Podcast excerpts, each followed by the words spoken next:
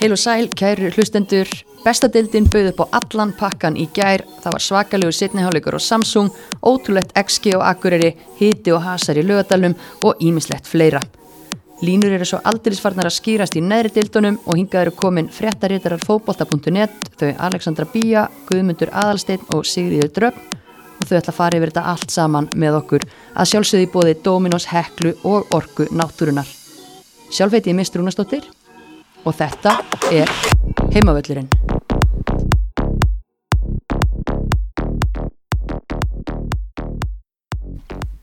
Ja, hjartanlega velkomin öll þrjú, það er fjölment og ansi góðment hjá okkur í dag. Hvað er tít? Bara fínt. Já, Gott bara. Já. frábært ok. algjörlega frábært Af hverju, af hverju er svona frábært hjá þér gumi? það er bara gott að vera komin aftur heim til Íslands í, í góða veðrið og svona. Bara mjög gaman að því. Já, það er mannsestir veður á Íslandi þessa dagana. sannarlega, það er bara svona grátt yfir og en það er samt gaman að þessu. Já, en þú, já, stóðst þið eins og hetja á EM, Já. geggju umfjöllun hjá okkur, takk fyrir það. Frábært að fylgjast með og, og, rjómin og kökuna svo að útskrifast. já, þetta var skemmtilegur mánuður þessi síðasti og bara ógeðslega gaman að fjallum þetta frábæra landslið sem við eigum og já, gaman að útskrifast líka Já, segð okkur nú aftur hvað heitir nákvæmlega námið sem varst í. Heyrðu, ég var að klára fjölmjölafræði með svona sérstaka áherslu á, á fótbolta uh, fór þarna út uh, 2019 og bara ógeðslega gaman og já, ég var að útskrifast núna í ár og já, vonandi leiðir þetta af sér eitthvað skemmtileg tækifæri í framtíðinni um, strax svona byrjar hérna á fótbolta.net í, í fullu starfi og það er alveg já, bara frábært hinga til sko og mjög gaman Já, geggjað, það er bara hlakka til að, fylgjast með, þú ert búin að vera hérna, frábær í þessu síðustu ár og, og greinlega stefnir hátt. Takk fyrir það Hmm. En hvað segir þið stelpur? Þið voru ekki, það ekki eins frábært hjá ykkur og, og gumma, sýrur gott að frétta þér. Já, bara mjög gott. Jú, vissulega var ég ekki kannski jafn frábær júlimánuður en, en mjög góður, enga síður, sko. Í, já, bara mjög fínt, sko. Og þú ert alltaf í boltanum Já, ég er alltaf í bóltarum. og þið íringar að standa ykkur bara með príði í annar dild. Já, það gengur bara mjög vel. Mjög vel. Mjög góð stemming og gaman. Já. Og hvað, næst leikur á föstudaginn hjá okkur eða ekki? Jú, föstudaginn á móti íhá. Já, það eru IRIH, hörkuslagur þar Já, ég held það. og það er náttúrulega fyrir að stýttast í annan endan, við komum kannski betur að því eins og eftir en, en stýttist í að, að þessi setni hluti annara dildar verið spilaður, rúma tvær vikur í það akkurat, það er mjög spennandi. og svona línur kannski farnar að, að skýra svolítið hvaða lið ætla að vera þar í baróttunum efri hlutan og, og öfugt Já, já, þetta er alveg svolítið svona tvískipt en, en mjög jaft svona allavega í efri hlutunum, alveg spennandi kemni. Já, og margt sem getur breyst náttúrulega Já, algjörlega. Totally. Hvað segir þú Alessandra? Þú hérna reyfsti fram úr til að mæta Já, já, maður er hérna nývagnar. Hvað hva ert að gera á nóttunni? Herra, ég bara var að koma nætuvægt Ok, í vinnunni minni. Hva, hvernig vinnu? Já, ég er að vinna á skamtíma dvöl fyrir fallafólk. Já, Þannig ég var bara góðum gýri nótt. Ekkert söguna þegar mörgstu náttúrulega sjá leikin í gær. Já, það er nefnilega smá vandamál, þetta fer ekki allt og vel saman oft. Nei, en vel sofi núna, náðu að sofa vel í dag fyrir áni kominga. Geggjað. Og þú ert búin að vera já, eins og þið öll bara með já, líklaborðið á, á lofti fyrir fótbolta.net í sumar. Mm -hmm. Þannig að ég er með, með gesti með alla putta á öllum púlsum. Það má segja það. Er það ekki? Jú, jú Hald ég? En hvað segir þú um mist? Ég, ég var takk fyrir að spyrja, ég er bara, bara rosa góð, rosa, já, þreytt svolítið, fór á EM og, og fekk svo skemmtilegt verkefni, fór á Norveiköp, var að koma þaðan. Já, Mitt uh, gamla góða fjarlag þróttur hérna fekk mig til að stökkva þar inn og aðstöða í fjálfun mm. og það var hellir hann hópur, þriði og fjóriði kall og kvenna öll saman á Norveiköp og bara mikið veisla en, en ég viðkynni það að, að hérna, ég hlakka mjög til að sofa út um helgina. Það var bara beint í vinnu. Ha, en eindum gleði og, og náttúrulega já uh, risa umferð í bestu deildinni í gær. Þannig að maður fyrir beint í fjörið. Kannski bara byrja á já, leiknum sem ég held að flestir hafa nú haft augun á. Stjarnan breðablík liðin í öðru og þriðja sæti. Mhm. 2-2 0-0 fyrirháleik og, og hérna, heldur betur já, færðist fyrir leikin í, í þeim síðari Já, algjörlega Ég var hérna á skrifstofunni og var að fylgjast með IBF og KR og svo rúlaði ég heim og akkurat þegar ég mætti inn um dyrnar það var setnáleikurinn að byrja staðan enn 0-0 og ég fekk sem betur verið að sjá að geggja hann setnáleik, virkilega gaman að horfa á þetta. Já, frábær setniháleikur og maður er myndið að kíkja svona aðeins á tölfræðina og hérna það er mjög áhugavert að sjá að, bæði lið skora næstu í helmingi meira af mörkunum sínum í setniháleiknum og, og þrösa enn síðustu mínúturnar. Þannig að, Er eitthvað síðasta korter eða eitthvað ekstra? Jú, akkurat og, og auðvitað var það allt saman eftir bókinni, markaskorið. Mm en uh, já hvað ég var að segja um leikin sjálfan stjörnukonur bara heilt yfir betri, getur við ekki verið saman um það? Jú. Klálega sko. Tölfræðin sýni það líka sko 1.98 XG á móti 1.08 Þannig að tölfræðin svona sýni það svart að hvíti hversu góðar stjórnikonum voru í gær og það er áttu bara að skila að vinna leik eins og Kristján Gummarsson talaði um í viðtalið til leik. Þar voru bara betri og áttu skila að vinna. Já. Það er sína karakter líka að koma tilbaka eftir að hafa lent tvöt undir og bara vel gert að, að koma tilbaka og landa stíðun að minnstakosti mm -hmm. og alltaf gaman að sjá hver setur markið. Anita Ír Þorvaldsdóttir uh, búin að vera mikið frá spila breytt leiki fyrra og bara svolítið hvarf svolítið á sjónasviðinu var svo að taka fyrirlutan hérna, út á Áltanesi og bara geggið annar dildinni, maður heyrði bara frá þeim sem að sáu leikin hennar þar að auglöslega væri bara allt og góð fyrir þá deild og, og frábært að hún sé strax komin á blað hjá stjörnunni Já, bara mjög stert. Líka bara mikilvægt verkt, að mark og svona, eða bara geggja umkoma í rauninni. Þetta verður alveg spennandi núna að sjá hvað lið tekur annarsæti, sko. Já. Það finnst ykkur það svona vera, vera málið núna? Sko, að því að Breiðblik vann ekki leikin í gær, ég held að þetta bæði liðsu sjúklega svegt eftir hennar leik, kannski stjarnana þegar áttu að vinna hennar leik, og kannski líka Breiðblik að þeir komu sér í stöðu til þess að klára hennar leik, þótt að þeir væru ekki kannski búin að vera betri í leiknum, sko. Mm maður sá líka bara á viðbröðum leikmanna eftir, eftir leikin að það voru allir allar greiðalega svektar að fá ekki meira út úr um leik. Já, algjörlega. Og nú eru þá fjögur stig í efsta sæti fyrir blikana og, og uh, já, átta stig ef mér regnast þetta rétt hjá stjörnunni þannig að Já. það er orðið brekkallana fyrir stjörnuna að, að fara að dreifum halda áfram að dreifum titil en, en fjögur stig eru nú ekkit brjálæslega mikið í fólkvölda er alveg dómul. Ég myndi ekki segja að þetta veri búinn, toppar þetta, alls ekki. Valur og breyðblika er náttúrulega eftir að mætast á, á hlýðarenda sáum hvernig fór það í fyrra sko. það, það var leikur Það var leikur. Já um, kannski svo punktur í þessum leik í gær. Sjálfsög mistök kannski á Natasju þannig í öðrum markinu. Maður sér þetta ekki oft hjá henni og alls ekki oft í, oft í sumar sko. og svona kæruleysi. Já, og já, ég, á svona kannski frekar perrandi úslit fyrir svona einn hlutlösa áhöranda að það skulle enda svona. Bara ein, eins og ég segi. Já. vel gert á stjórnir samt að koma tilbaka og ná stínu mm Akkurat, uh, margt áhugavert í þessu.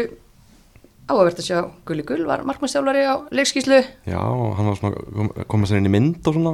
Ah. já, maður tók svona svolítið eftir hún sko. Já, geggjað og, og hérna uh, hann var í þessu hann var í þessu hlutverki þarna núna í EM-pásunni að vera með markaræfingar hjá, hjá kvennalega breyðbliks þar sem Óli Pétus var úti á, á EM í Englandi. Steg gull inn í þetta hlutverk og gerði það bara vel held ég En hvar var Óli í ger? ég bara er ekki alveg með það sko Nei. hann hefur kannski verið í, einhverju frí ég veit það ekki alveg sko Þá kannski inni fyrir smá frí eftir, eftir allt uh, já, búið að vera mikil keisla á hann emið, já, en, en líka einmitt nýr varamarkmaður Já. já blíkonum, Rakel Hönnudóttir eh, maður svona maður fara að gruna að hún myndi snú eitthvað aftur, búin að heyra henni á æfingum en eh, átti kannski ekki alveg vona að sjá hana sem varamarkmann á skýslu, ekki það að hún hefur spilað í markinu þegar hún var yngri og svona, þannig að kann þetta allt saman Já. Já. Þannig að verið gaman að sjá hann að koma inn á eitthvað meðsli eða eitthvað og fá hann í marki Ég spurði ásátt hérna daginn eftir leik og hann var bara, hann sagði hann hafi spilað úti einhver tíma sem varamarkmaður eða eitthvað. Eða þú veist, hafi verið á skýslu, hún hafi spilað mark. Hún, Já, ég meina, hún, já, hún var, var markverður líka, veist, hún var, er þannig leikmaður hún getur bara leist allar stöður. Markið örugglega- Já, greinlega bara allar stöður. Einmitt, það er áhuga en því miður þá einmitt uh, hérna, virðist ekkit vera að frétta Telmi Ívarsdóttur í byli, hún er bara ennþá að reyna að jafna sig á þessum meðslum og, og hérna person, svo sem ég veit ekki, ekkit gat ekkert gert í þessum mörgum í gær allavega? Nei, maður er kannski eftir að kynnast henni aðeins betur bara sem sem leikmanni. Já, en, Já, og, og veist, núna er kannski spurning með blíkana sko, hvern- hvernig það þróast þegar þeir eru að missa áslöfumundu ég veit ekki hvort það verður hann að síðasta leikur mögulega, mhm, hann er að fara í Harvard Og Hildi aftur. Þóru. og Hildi Þóru og Hildi Þóru líka, já hún góð í gær. Uh, Alexandra Farin uh, aftur til Þýskalands. Það er um það að fara að taka það í meistaröldinni það er svona spurning hvernig það mun þróast þegar mér framöfni og hvernig staðan er líka þess að hitti sig og hérna ástu, ástu já, já, Mhm. já. maður er eiginlega að fara að taka hérna svona svolítið check up þarna því að já, En það er svo, svo er líka bara áhugavert að, að uh, Melina Ægir sem að náði aldrei að stimpla sinni, hún er bara búin að taka annaflokksleiki, búin að skora fimm mörg í þremur annaflokksleikjum hinga til og hún kemst ekki í meistar, hún er ekki í hóp. Nei, það er vant að taka svona leikmanna utan og hún komist ekki í hóp. Mhm. það er afskaplega vant Já, en Nei. hún endalega myndast pláss fyrir hana þegar að Já. þessi leikmenn hverfa braut. Mm og hérna, en svo er gaman að sjá bara leikmenn stíga upp, Uh, Birta Georgsdóttir til dæmis, hún er búin að hérna, taka fram úr Jasmín og Ástískarinni í hérna, eh, hvað maður að segja, svona samanlagt uh, koma að mörgum og, og skora mörg, leggja upp og skora.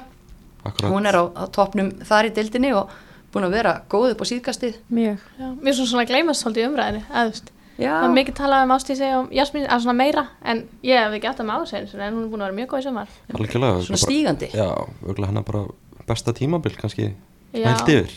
Já, mögulega. Að og nóg eftir sko. Og nóg eftir akkurat og, Já. Og svo er spurningum eitt með stjörnuna. Hérna Málfríður Erna er alltaf búin að vera að fá lof undanförnu, bara loksins mm afgriði káaringana í, í þar síðustu umferð og bara ótrúlega solid og flott þarna við hlýðin á Önnumarju og þú veist getum hrósa henni endalust, við getum líka bara talað ennþá meira um Jasmín Erlu. Það er hérna, það er nafni sem að er verið að ræða hvað mest. Og göttum úti þessa dagana. Þetta, þetta sóknamast og þarna hjá stjörnunni Katrin Áspjörs og, og Jasmín Erla þetta er alveg rosalegt svona dúo til að vera með sko. Og það er Já. vega svo voldi hvora aðra vel upp. Og Jasmín er svona, svona, kannski svona lítil nett frábær tæknilega séð. Og, geggjað auga. Og geggjað Já. auga. og Katrin kannski svona aðeins meira svona complete forward að maður myndi segja þannig sko. Mm uh, já, alveg bara mín maður frábæra saman. Og ég held að öll í deildinu myndi vil- vilja þær, hafa þær í, í sínu liði. Svo er það líka bara með. já, Gíða Já. og Betsy bara með þess að tengja allar eitthvað svo vel. Með þess bara búin að svo með svo mikil breyting eitthvað á stjórnuleginu bara eru framfæra skref já. já, einmitt. og sjáum eins og það er tapa á móti breyðablík og val í fyrir umfyrinni alveg og svo koma núna og eru búin að gera aftöflið bæðilegði sko Mhm. Mér finnst, já, einmitt, þetta er búið að vera svona síðust ár svona alveg að koma og nú er það bara orðna bara góðar. já, bara svo litið einhvern veginn allstæðar á vellinum Mhm. Góð bekkur líka Já. sem getur breytt leiknum ég hugsaði úff þegar að Kristján var nýbúin að hérna, skipta til dæmis Katrín út af í gær og færi þetta marka á sig Mhm. beint í feysið en bara þvílík svörun að eiga, eiga þetta á bekknum Mhm. leikmenn sem geta geta klára leiki já, Krist, Kristján er búin að vera svolítið að byggja upp þetta stjörnulið síðustu ár og núna er konar í þrjastætti og fara- eru svona færast nær uh, val og breyðablík og spurning svona, hvernig hvort það geti gert ennþá meiri allu þessu á næsta ári Mhm. fyndið svona réttu púslinn í þetta og, og saksa enn meira á þessi tvö efstu lið Já, einmitt, einmitt Já. þó, að- þó að hérna, við séum núna að- að að lofa þær og, og þær hafi verið að gera hérna, ná í bara, ég veist, gera jafntefli við tvö af þessum líðum sem hafa dominera síðustu ár, þá skulum við samt ekki gleyma því að fyrir þetta mót þá voru alveg margi sem höfðu trú á því að þær væri að fara að gera alvöru allugu en þær spiluðu það svolítið frá sér í þessum leikjum gegn val og blikum í fyrirumferni þannig að, þó að maður sé hérna alveg á, á stjórnuvagninum og í hæpinu núna þá má eiginlega ekki gleyma því að við vorum það líka á undirbúnstímbilinu og, og hérna, það er alveg ákveðin kannski vombrið í því að, að þær séu þetta langt á eftir toppliðinu, Já, ef við horfum á það þannig. Er sem hálf tómt glas eins rifin og, og við erum af, af hérna, liðinu þegar það tikkar. Gætu við, þú veist, séðar veist, ná breyðabliki í barnum aðeins, annars að þetta gefur mikið á þessu tímabili og síðast tímabili. Mm og þær eru að fara að halda Mhm. sínum hópi. -hmm. uh, Blikar, blikar þurfa aftur að fara að breyta til hjá eftir að Ási er búin að finna svona liðið sitt og taktinn sko. Þannig að af hverju ekki? Mm. Já, ég get alveg séð breyðablik tapa einhverjum stígum þar er náttúrulega eftir að mæta val og svona eins og vorum að tala um sko. -hmm. geti alveg, þetta getur orðið eitthvað bárata sko. Já, Þannig- verður ekki að fara til eiga eða? Jú, þannig að annað meistaröldarsæti í, í deildinni. Þetta er alltaf, þetta er, já, Þetta er alveg opið sko. þetta er svolítið opið. En hérna mjög áhugaverður leikur uh, sem átti sér staðið í lögadalum og úslitin í þeim leik uh, eiginlega bara stór furðulega með að við hvernig leikur spilaðist. Já, þetta var bara í raun eiginlega bara óskiljanlegt hvernig þetta endaði 3-0 með að þú veist, að maður ég er svona mikið að skoða XG sko, ég er svona mér það svona fascineting tölfræði sko. 2,71 á, á Selfossi þessum leik og 1,04 á þrótt þetta er bara svona segir til um gæði marktækifæra í leiknum og, og Íris Dögg markverður 3-0 sigurleis stróttar Já. valin maður leiksins Já. bara af öllum því hún var styrluð í þessum leik Já, bara hvernig Selfoss fór að því að tapa þessum leik 3-0 það er bara óskiljanlegt sko. Gott dæmi um það hvað tölfræðin er bara vísbendingum ákveðið en, en skiptir engum máli þar upp, upp er hérna algjörlega eins og, staðið. eins og oft hefur sagt þá er snýst fókbaltanum að koma boltanum í marki sko. Já, og uh, já, það tókst Daniel Marcano stert fyrir þrótta að vera svolítið að ná vopnum sínum fram á við bæði hún og Olla mistu mikið úr vegna meðsla uh, fyrir hlutan eða Olla náttúrulega bara alg algjörlega og, og þær komna tilbaka og stert fyrir Marcano að, komast á blað. Já. Eh, brenna aftur á móti bara brást aldilis bóðalistin fyrir framann markþróttar mm hún er svona aðeins uh, búin að missa fjöluna eftir, eftir sterkabyrjun á, á mótinu Mhm. og Selfoss þarf bara á því að halda hún skori sem mörg að því hvað, hvað aðri leikmenn er að fara að gera það í þessu, í þessu liði það svona, er, maður svona spyr, spyr sig að því Það er líka Já, svona já. leikmaður sem var ofta að skora mörg bara einhvern veginn upp úr engu sko. Mhm. einhvern veginn þegar að gekka ekkert sjóknarlega þá gæti hún svo alltaf skorað Já, en það sem að náði fyrirsögnuna samt eftir leik var einhvern veginn bara, já, pyrringur í rauninni beggja þjálfara teima yfir dómgæslunni. Og bæði lið missa líkil leikmenn út af mittar og hérna og nokkra bara tæpar á því að þurfa að fara út af mittar þjálfara teimin vilja bæði meina að eh, dómari leiksins hafi já, ekki verið að vernda leikmenn heldur búið það fyrir sig, hann vildi láta leikin fljóta en, en á kostnað þess þá að, að leikmenninni fengi þá vernd sem þeir þyrtu og þetta var bara komið upp í ákveðna vittlis og tjumbili bara engin lína. Já og Bjössi Sigurbjörns hann, hann sá rólegi maður, hann talaði um það í viðtalið til leik að það er svona hann þuldi upp ágæta tölfræði sko það eru, það er búið að dæma 6 víti í öllu mótinu, þrjú rauð spjöld í 12 umfyrðum og undir 2 spjöl, tvö spjölda með þetta í leik þetta er, þetta er heila, svona frekar ótrúlega tölfræði sko. Mm það er alltaf verið um þetta að láta stelpunar, að ég ætla nú ekki að vera næsu stelpunar, ég ætla ekki að refsa fyrir þetta og þetta er bara líka stemning sem sjáum er í yngri flokka. Og hérna þetta er bara klárlega eitthvað sem þarf að, Já, að, skoða. þetta er alveg stór fyrirrætt sko, finnst mér. En það sögðu þjálfarinir eftir leik ég man ekki hvort það var Bjössi eða Nick að hérna þegar það var spurt út í hvað hann var að tala svona mikið þjálfara, nei hérna dómaran leiksins að þetta hefði ekkert endilega verið að þeir hefði verið að tala um hann í þessum leik þótt að það áttu við heldur bara almennt. Mhm. hvernig þetta er búið að vera í sumar og bara síðustu sumar Já, og maður er kannski bara orðin alltaf samdöna þessu að því að maður hérna, horfir á þessa deildir og þetta er bara einhvern veginn venjan. Já, Já, Já, einmitt. Veist, Maður hafði ekki tekið eftir þessu fyrir en þeir fóru að tala um þetta mitt en, en maður hugsar út í þetta þá er þetta galinn tölfræði í rauninni. líka þú veist þegar nikkar að tala þetta eftir 3-0 sigur Já, þá veist að það er eitthvað, eitthvað annað sko. Já, já, einmitt. Og það er náttúrulega bara, þú veist, Álfildur Rósa fyrirliði þróttar, hún skoraði þetta þriða mark hún fyrir meitt út af og bara vonandi ekki brotin. Susanna Frídriks frábær bakur Selfos, hún fyrir líka meitt út af. Og Selfos eru búin með skiptingarnar þegar að brenna hefði þurft að fara meitt út af, þú veist, þannig að, hérna já, þú veist, fannst svona, ég heyrði aðeins í fólki sem var í stúkunni líka og það svona fannst bara eiginlega óþægilegt að horfa á þetta því þetta, þetta var bara tímasprengja sko. Já, og veist líka þegar Bjössi sko hann hann er að tala um að hann vill fá spjöld á sína eigin leikmenn sko.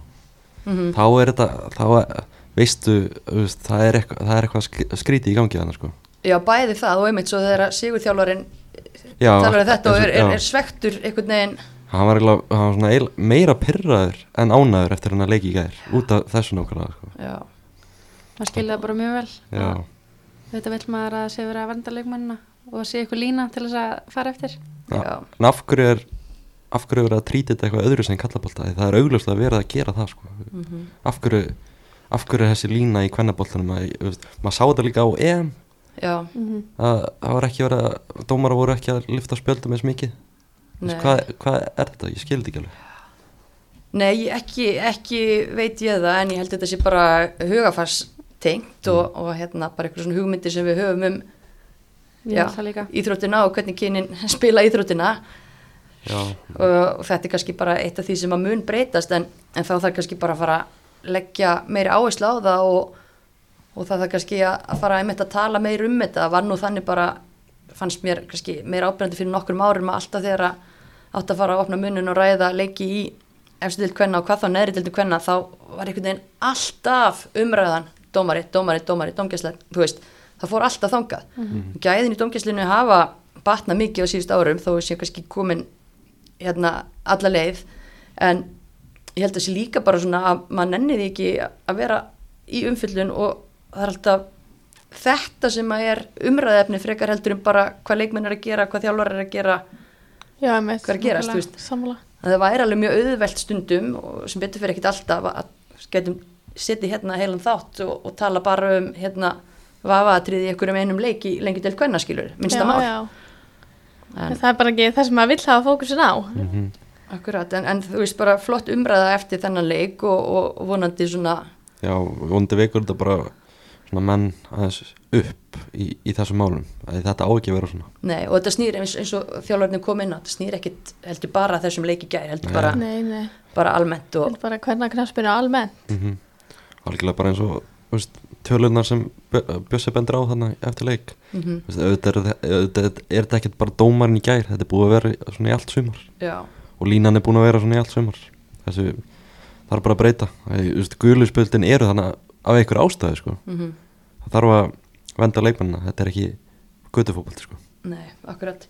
Uh, Hólfrið Magnúsdóttir uh, ótrúlega kona, hún náttúrulega mætt aftur eru þetta ekkit í sínu besta formi en, en hversu geggja er að sjá hann að mæta aftur ná vel kortir eftir basburð einmitt, bara hún er mögnuð. Já, maður var samt ekkert eitthvað, maður var svona, ha, hólfrýður, en það kemur manni samt ekki óvart, maður, veist, það er svona, hún, hún virðist ekki geta hægt, sem er bara að- geggjað, sko. hún er búin að leggja skonu hilluna tvísvar sko. Já. hún kemur alltaf tilbaka allavega hann er eitthvað, léleg hilla. þetta er hilla mjög sem, gott Já, mér finnst það geggjað, sko. þetta er hilla sem brotnar alltaf sko. Já. bara ógeðslega gaman að þessu hún er bara, hún er náttúrulega eins og besta sem hefur spilað bara fókbalta á Íslandi og er bara, já, mögnuð, mögnuð vera og líka bara það reynslan sem að hún er svo hókin af að starta fyrir Selfoss bæði Katrín Ágústóttir og Auður Helga Auður, hérna, Auður Helga Halldórs á kantinum Katrín Áspjörs, nei Katrín Ágústs hérna upp á, upp á topp og, og hérna þær eru báðar kornungar mjög efnilegar bara að, að fá tækifæri til að æfa með eða spila með jafnvel leikmanni eins og já, með Sif Alladóttur en fá svo hólfríði í ofanulag já, bara þetta er já, gott fyrir þessu ungu leikmenn að fá skóli. fá þess að tvo leikmenn sem hafa verið lengi í landsliðinu og hafa þekkið allt sko. já, Líka, með Hólfrið, ég talaði eins við hana í, í síðustu viku og sagði við mig að það er mjög erfið meðganga og fæðingin veist, það var í 30 klukkutíma sko. og það er bara það eru hvað, fjórir og hálfur mánuður síðan þetta gerði sko. hvernig Já. er þetta bara, hvernig er hún hérna að er- byrja að koma inn á völlin og þú veist, hún er ekki 25 ára sko. hún, er, hún er að vera 38 ára þetta er bara, þetta er ótrúlegt sko. þetta er bara mjög stort afreg fáránlega vel gert. Og hún er bara svona enn einn fyrirmyndin sem er að koma þú veist, hún er að sína þetta sé hægt að vera bæði móðir og, og íþróttakona í svona stórum svona í öflugum klassa sko. Já, Mm. og bara, já, ótrúlega vel gert hjá henni. Mhm. og frábært bara að fá hana aftur inn á völlin líka. Já, Já. það er geggjað sko að því að við erum að henda sjátátt á, á hérna, elsta leikma vallarins þá verður nú líka að koma smá sjátátt á, á Norvei Cup vinkur mína Hildi Leilu Hákonudóttir fætt 2007 Vá, Já, hún fekk já. hérna sína fyrstu mínútur í, í efstu deild loka mínúturnar hjá þrótti. Þannig að smá sjátátt á, á hana. Vel Já. þegar maður sér svona maður, áttar maður sig alltaf á því hvað maður er að verða gamall sko. já, einmitt. Þetta er vond sko. Já, ekki að, að, að hérna, einmitt hjá Selfos starta þarna 2 2005 sem við vorum að nefna og, Mhm. og hérna Jóhanna Eilin Haldarsdóttir 2006 kemur þar inn á þannig að Mhm. líka gaman að sjá þegar þjálfur eru hérna árætti við að, að gefa þessum yngstu og efnilegustu mínútur. Já, kannski, já, einn punktu kannski með selfo sko. Ég, veist, ég var að skoða þetta í gær það eru liðið sem heldur boltanum best í, í deildinni. Eru besta pressulið deildarinnar það eru kannski ekki að skora mörkin það er svolítið vandamáli sko vanda svona þú ert komin inn á síðasta treyðingin en mér finnst eitthvað að vera þannig að það er verið að byggja upp eitthvað spennandi og Bjössi og, og Bára hafa svolítið tala um það að þau eru að byggja eitthvað upp það er eitthvað ferlið þarna. Mikið á ungum leikmönnum og ég held að kannski eftir svona 2-3 ári eða eitthvað þá geti geti verið komið með lið sem getur kannski barist þarna uppi sko. Mm já, þetta er mjög spennandi og líka hugsaði bara hvað þetta er dýrmætt fyrir þessa ungu leikmenn að hafa sif og hólfrið bara hana. Þetta er alveg geggja sko. Já. En svo kemur um þetta móti og, og ég er alveg sammála að maður horfir á, á rínir aðeins í gögnin þá, er, þá er eitthvað í gangi og það er verið að breyta leikstíl liðsins alveg töluvert og svona en, en svo heyrist líka mikið bara herðu með þessa leikmenn þá á þetta lið að vera mm miklu Já. hærri í töflunni. Já, og, og, en þú veist í rauninni aftur að tölfræðinni Mm. það er bara marka skorunin því að Já. XG þeirra er ágætt. Já, Já. það eru góða varnarlega líka. Það eru ekki að fá þessi mörg, mörg og með séfi vörnir líka sko. það vantar bara það vantar eitthvað, það- eins og ég segi þau eru komin á, á síðasta treyðungin ég held að það hafi verið talað um það líka fyrir sumar. Það er eitthvað annað sem, sem þarf að bæta. Það er ekki búin að skora núna marki síðustu fimm leikjum Já, sko. Já, sko. má það það er það er rosalegt. vant það er kannski svolítið mikil ábyrð á, á herðar brennur lofera mm Já. Það var líka að vona að Miranda Nild kemur kannski með fleiri mörg mm Já. inn í þetta með sér, Já. að byrja það ágætlega. Já, einmitt. Það er kannski eitthvað svona fleiri game changera. Þegar komin aðeins, aðeins fram á völlin Já. það væri kannski mjög til að vera með hólmfriði fyrir svona kannski tíu árum eða eitthvað. Fimm árum, býðum, bara í, já, það var gaman að sjá hólmfriði þannig komin í svona, kannski svona aðeins, aðeins lengra í, í ferlinu. Já, já, Já. Og bara vonandi að Það það er ekki skóra á hilluna í haust og bara verður er- svo klára næsta ári það er líka enda töfrar í þessum fótum held ég sko já, já. líka hérna Sif náttúrulega var hann leikjahæsta knaspunni kona Íslands reypaði Vá. með leiknum í gær 337 deildarleikir á ferlinum Vá. sko samanlagt, það- sam, samanlagt frá Íslandi, Þísklandi og Svíþjó hún var það að slá met frá Katrin Jóns en það er svolítið skemmtilegt hérna að Hólfríður er með 336 leiki og Sandra og hún er með 387 sef þannig að Hólfríður getur á þú sef er bara keppni út Þannig að- tímabili sko. Já, og Sandra hérna einmitt, er líka hana í þessu kaplöfi hún missir ekki úr leik. Nei, og Nei. hún er líka lang leikjahæst á Íslandi. Mhm. 327 leikir í efstadeld á Íslandi. Vá, Sjá Svo margir leikir sko. Þetta er rosa margt Sá hann í gær og fannst þetta skemmtilegt. Já, reyndar mjög. Þetta er, er góð púntar en hérna hendum okkur norður og akureyri. Mhm. Já, uh, pff, svakaleg kvistbambúm byrjun þar. Gestirnir í afturöldingu skora fyrsta á eina markleiksins eftir mínútu. Já, 30 okkar sekundur Já. já, tæpa mínútu. Uh, hvar er grílan hjá akureyringum? Af hverju geta þær ekki byrjað fótballtaleiki á réttum tíma? Það er góð spurning sko.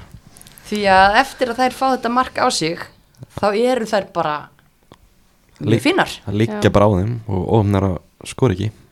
Já, sérstaklega í fyrirháleiknum -hmm. já, og fengur svo sannlega, það var eitt, eitt færið þarna hvað í fyrirhálinum að kemur sending fyrir. Margaret Átnandóttir alinn í tegnum Te ákveður að taka hann í fyrsta setur hann yfir markið.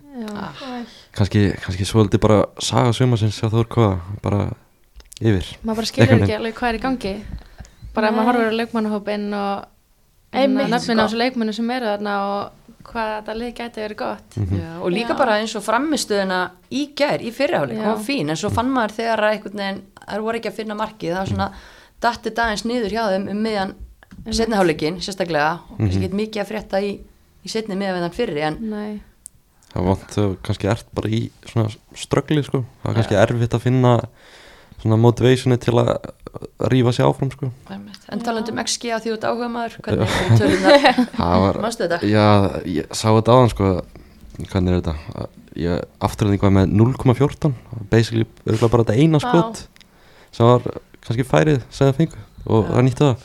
Hann kom, kom eftir yngast og Guðrún Elisabeth uh, ásendingu Ísafóld og hún chippar hún með einhvern veginn í stönginu inn. Það var mjög skrítið mark Var þetta fyrsti byrjun? líka bara skrítið varnarleikur. Bara fullt af varnamönnum hann í kring og enginn einhvern veginn. Já það eru eitthvað 5-6 hann í kringum já, allar bara einhvern veginn, allar einhvern veginn bara horfa á hana og leifin að komast í skotið. Og líka eins og Harpa hefði verið bara ekki alveg held einhvern veginn að bolti var að fara framhjá eða já eitthvað. það var svona, svona líkamstjáningin hennar var eins og hann væri að fara fram hjá þótt þessi stöngilinn sem hljómar eitthvað óverjandi þá var það samt svona furðulegt. já, boltin var lengi á leiðinni Já, sko. það var það sko.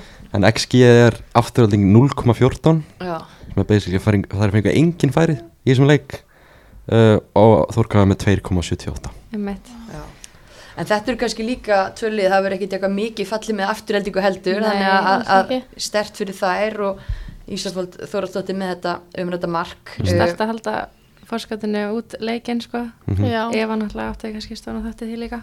Já, ég var Hún er frábær búin og að, minnst vera búin að vera stígandi en hún var rosalega góð síðust tímbil í lengdeldinni Mhm. svo svona náttúrulega byrjar hún og meiðist og eitthvað svo veist hún er að koma alveg sterk núna já, samt rosalega sterkur sigur hjá afturlíka Það er Já. einu steg eftir Þórkáða núna Mhm. Einmitt. það er að gala opna þetta alveg og, Já. og eins og það nefnir, Guðrún Elisabeth uh, geggjaða að, að besti leikmaður lengjudeildinar frá því í fyrra sé loksins uh, mætti aftur, þetta er endar annar leikurinn hennar. en hún Já. kom inn á Já. síðustu 20-30 á móti Já, er já, fyrsti byrjanleisleikur Já. Já. Líka bara stert hjá hann að koma og leggja strax um mark eða bara svona Já, strax Ég er að ennþá gera hérna. já, maður er, maður er svona, svolítið búin að býða eftir henni og sjá Já. hvað hann getur í, í þessi bestu rosa deildinni. margir sem maður er spenntir að sjá Hún í yfir deild það sko Já, og var rosalíf fyrir og já, gefur auðvitað afturlundu helling að fá hana tilbaka Já, Já, ég held að mörg augu búin að vera Svolítið mikið á róta á þessu afturheldingaliði mm Já, það var það var mikill gýr í Alexandri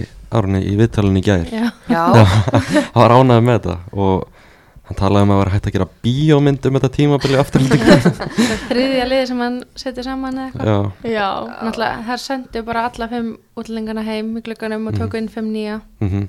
Akkurat, en það er líka að Já. geta bara gert það. Einhverjum og það var hann Einmitt. þakkaði mitt alveg hérna stjórninu og öllum í kringu liða fyrir að hafa trúa þeim og mhm. já.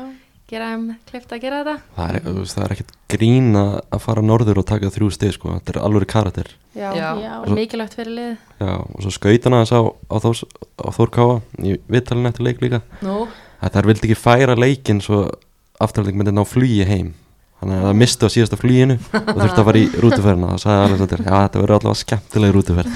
Æja, það gíska Þakka þeim fyrir það. já, já. ok, já.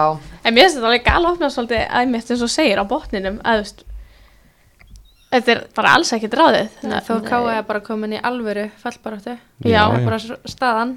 Hugsa sér. og- og með þetta lið. Já, já Þórkáa og Keflag búin að tapa þremur leikjum í röð bæ, bæði lið Já, kannski toppbaratan, kannski mögulega kláraðist í gær eh, kannski verða eitthvað sviftingar í þessu en bóttbaratan er alveg galopin. Maður myndi segja það þetta er ennþá fjóra liða mm hérna mót. Það er rosa erfitt að spá í þetta sko. þar, já.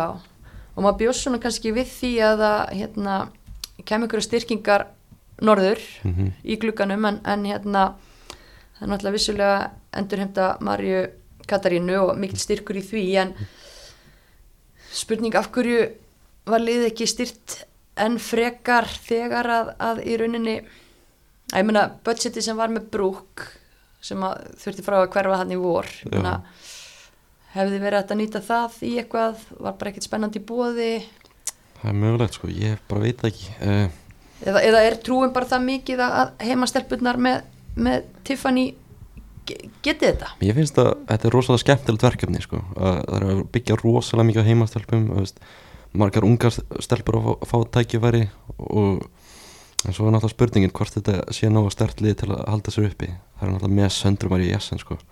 já, Hún er að- einmitt.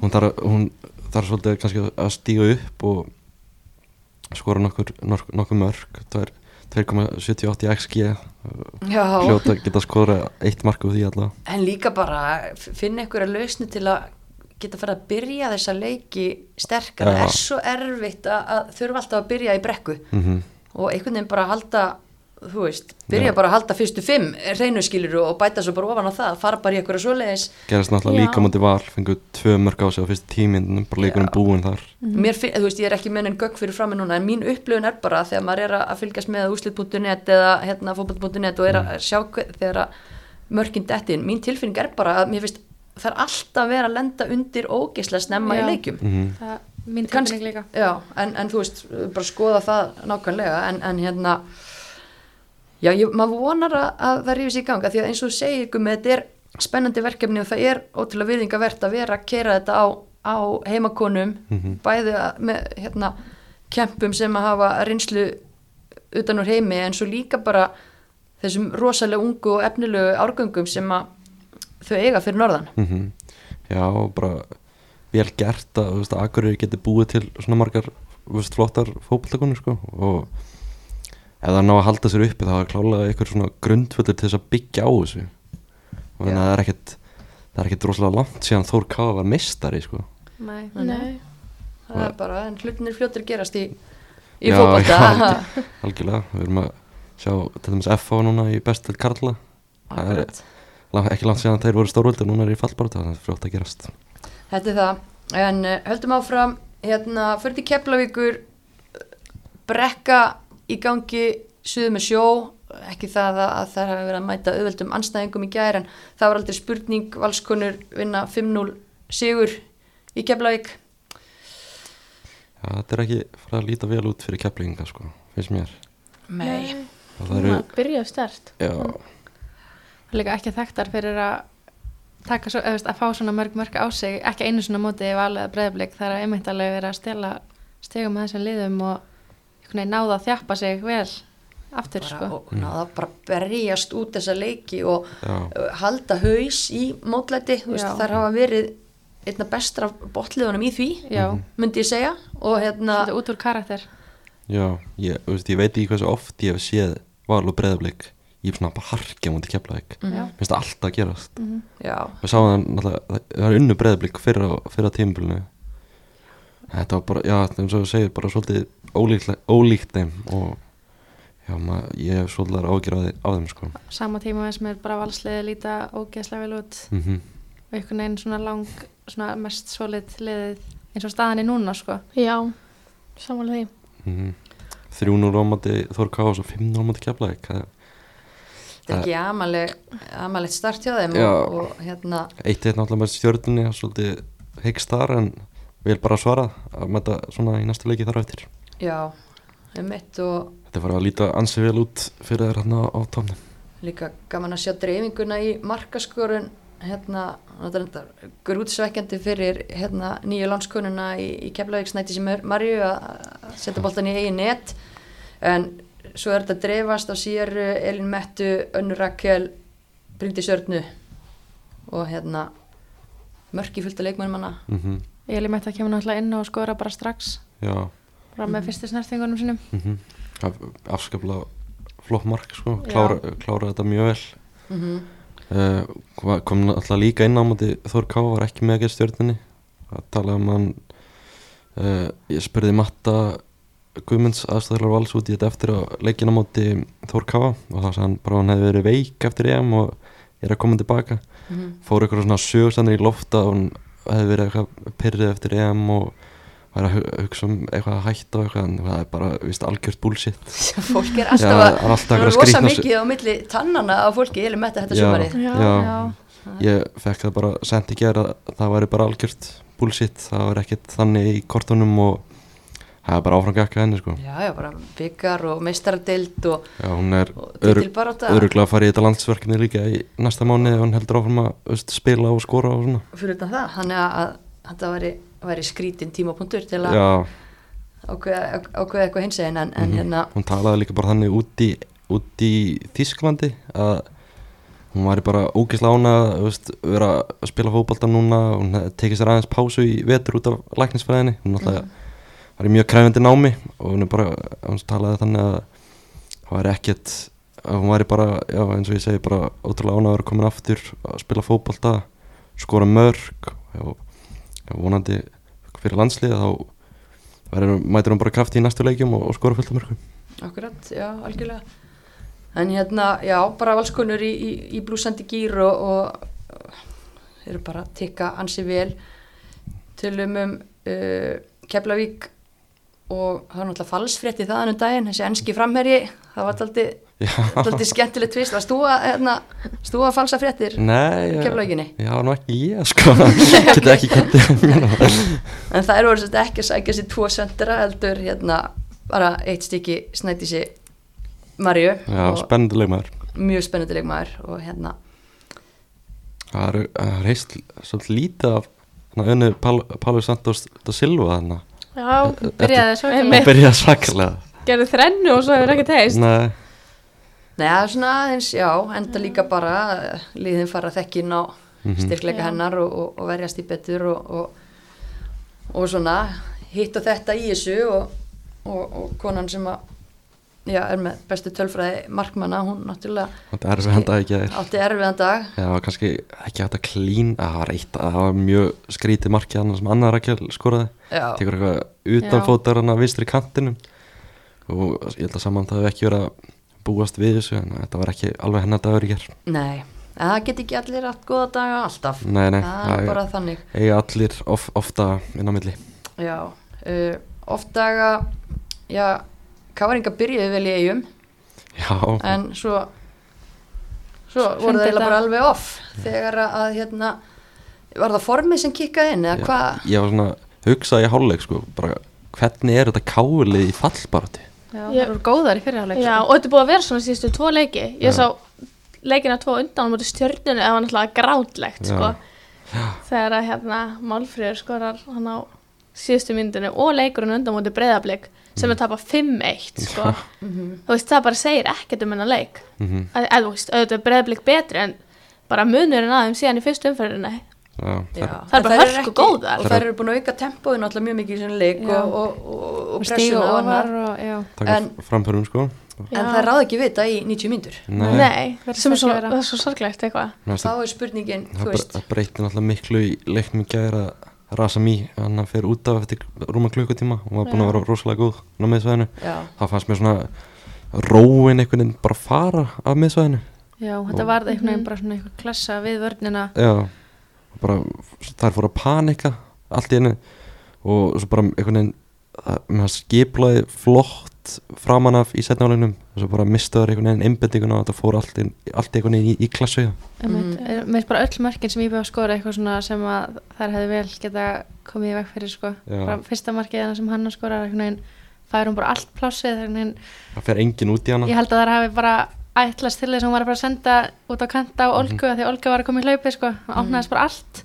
Svo náttúrulega bara setni tvö mörkin bara Já. mistök í vörninni og bara Já. gefins mörk nánast sko. klaufalega sending og svo tapaði boltanum. Þetta er bara, þetta er bara lýsandi fyrir lið sem er á botninum einhvern veginn. Já. og þetta er bara svona sagan þeirra í allavega sumar síðustu leikjum. Já. það byrjaði mjög örulega en mér finnst eftir að hann að rasa með mitt kom. Mm bara, hún gerir rosa mikið fyrir þetta lið og svo fengið hann hönnu maður ekki hvað hann heitir meira hanna eitthvað. Mér finnst hún líka mjög góð.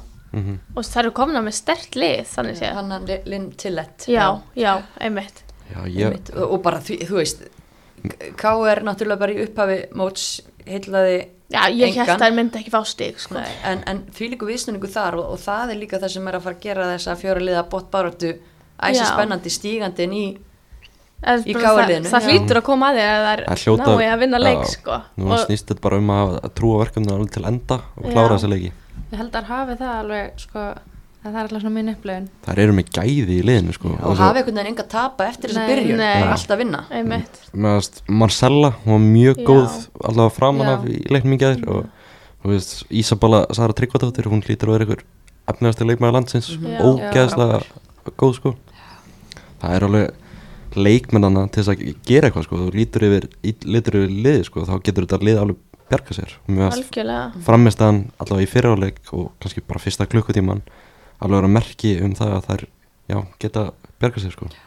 En tölum kannski um liði sem að vann leikin Já. hérna Jonathan Glenn gerir skiptingar í háleik og það, það er verið líka að hafa hafa skila sér, bæði Þórildur og, eh, hún þetta ekki inn á háleik kom að setnin, mhm, Þórildur og Hanna eru hérna á meðal markaskorara eiga hverna og, og svona með svona koma kraftur í kraftur með þessum skiptingum. Já, Kristín Erna kom líka hann inn mhm. Af hverju var hún á bekknum? Vitið það? Ég veit það ekki, ég velti það mitt fyrir mér Já, en bara vel gert hjá, hjá Jonathan Glenn að hrista hans upp þessu og það virkaði fullkomlega og mm. IBF var eins og með hans káringa flottir í, í fyriráleika voru eiginlega ógeðslega lílegt það var bara ekki líkar Nei, sjálfum sér Mhm. bara já, vel gert að hrista hans upp þessu fá andan hans upp og já, virkaði bara mjög vel Já. Þórhildur með geggja einkomu mm kemur hann inn og vinnur boltan í markinu sem íbæði kvæst yfir í 2-1 og sendinguna á Amíru.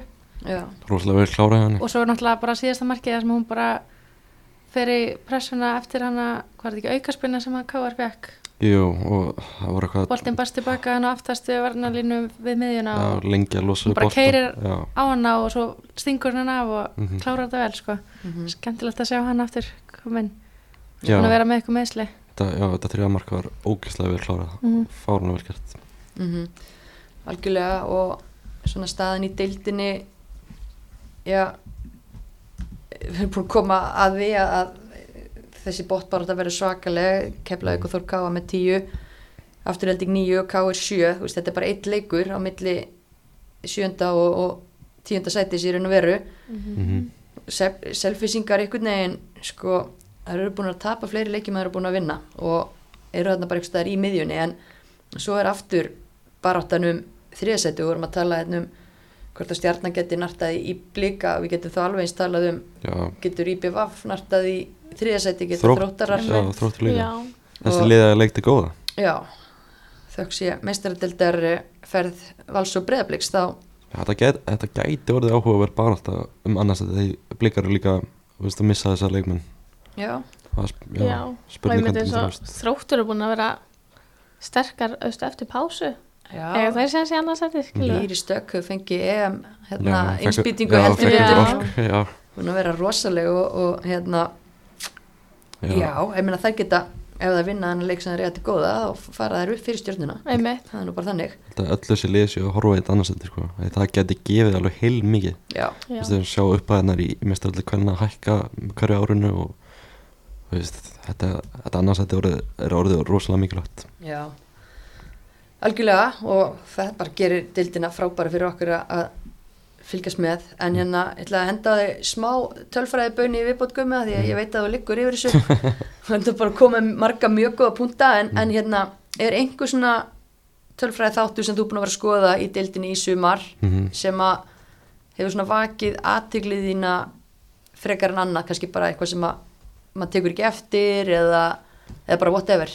Það er kannski bara, þú veist, fyrst þegar ég fekk mér væskátt aðgang fyrir í sumar þá var svona, fannst mér eitt veist, ég var að byrja eitthvað þessu og svo fannst mér eitt alveg rosalega sláandi sko. já, það var hann þessi uh, prevented gólastölfræði sem ég setti á, á Twitter um daginn að sem, að svona tölfræði sem mælir það hversu mörgum mörgum markverður er að koma í veg fyrir. Já, það er samt verið að mæla skota markið og hversu erfið þau eru fyrir markmann að verja og svona. Þetta er rosalega skemmtilega tölfræði. Þar er saman mörfi markverður kepla ykkur efst með næst ég búin að koma í veg fyrir tíu mörg í sumar. Já, það sýnir bara hversu rosalega mikilvæg hún er fyrir Keflavík. Sandra Sigurðardóttir er búin að eiga mjög gott sumar með þessi tölfræði þessi tölfræði.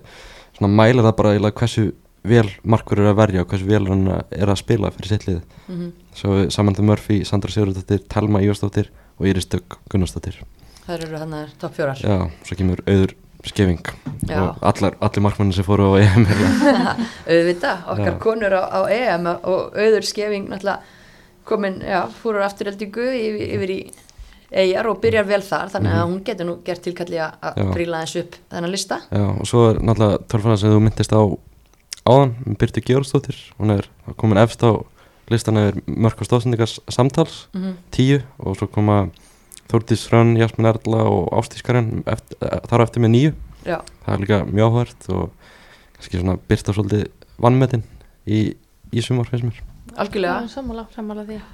Og- Mikil, mikilvægi í sóknarleik blika Toads mm Leikmenn, hvaða leikmenn haldið að við spila flesta mínútur í sumar? Sandra Sigurðardóttir. Já, hún er, hún er efst og það er einn leikmaður sem hefur líka spilað ég held sama fjölda Ég mínútur veit, veit svarið, hann ætlaði að stelpunum að, að giska Elisa Viðars Hárétt, Vel gert mjög vel gert, mjög vel gert Eyja konunnar Já, en það, já, það er náttúrulega valur með auka leik Mm, já, inni, já, inni á já. því, Já. þannig að það er markmið sem hafa spila Mhm. Já, einmitt. alla mínútur en hérna, við erum inn í bóði orku náttúrunar meðal annars og uh, orka náttúrunar framleiðir og selur ramagn á ábyrgan og umhverjusvæðan hátt og við fögnum því og hérna, við vorum nú að ræða eins rafbílavæðinguna hérna áðan fyrir, fyrir upptöku Mhm. og hvað þið eru bæði er ekki svo, eða gummi og sýrir búið ekki svo vel að eiga rafmagsbíl en, en þið hafi verið að hvað varstu með bíl láni eða? Já, sýsti mín á ræmagsbíl. Ah. Og þegar hún fyrir sumafríð, þá er mjög hagstætt að fá hann láni. Það ekki? Jú, það breytir öllu, sko. Þannig að þú varst búin að vera að, að æfa þig eitthvað með orkulíkilin, ekki það að sé eitthvað að æfa sig, það er mjög einfalt. Já, mjög einfalt, maður þarf ekki mikla æfingu, sko. En já, hann er einmitt það mjög idiot proof. en já, hann er bara ekki að gera, sko. Ég nota hann svolítið hérna á, já, orkuvitunni. Það er, hann er ekstra hröð, eða svona hraðhræðslustuð, bara kortir að fylla bílinn. Mhm. Það er Já, svona, það eru, það eru höfustöðvar orku náttúrunar, er það ekki? Jú, ætlaði ekki.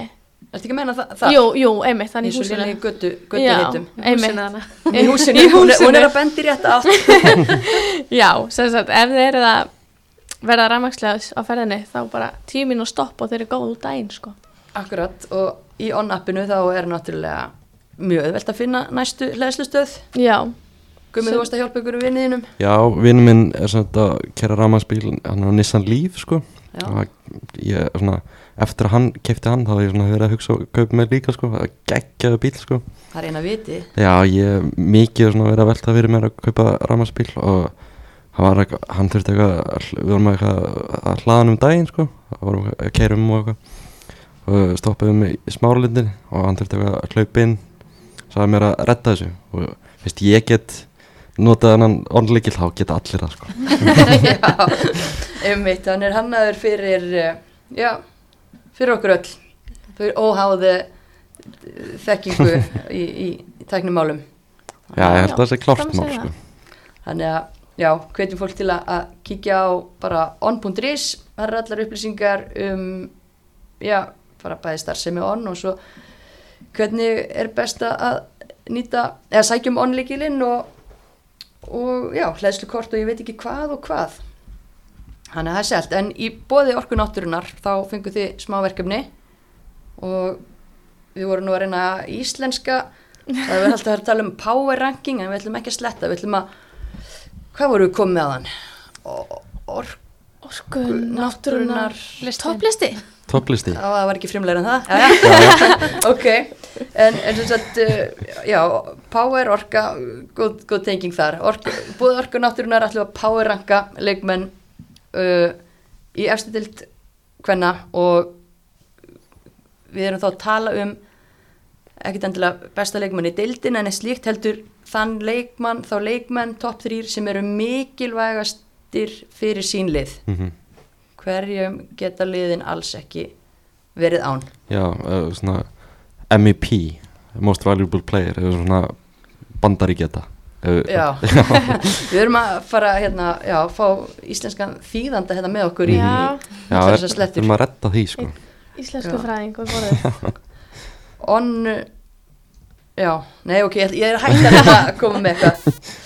En hérna, ok ef við ekki bara að he- heyra ég ætla bara að hendur þessu til ykkar og heyra frá ykkur hverjir eru hérna MVPs orku náttúrunar Mm. fyrir sín lið.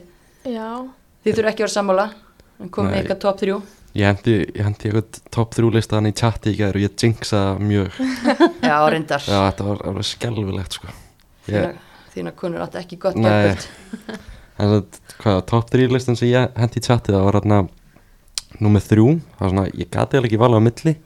Þannig ég seti Sigur Alladóttur og Söndur Marí Jassen uh, Númer 2, Natasja Moranasi í Breiðblik Þetta er hafa verið svona uh, svolítið að hringla með vörnuna hjá sér. Hún er alltaf aðna og blikar eru með besta varnarliði deildina ásand, ásand val.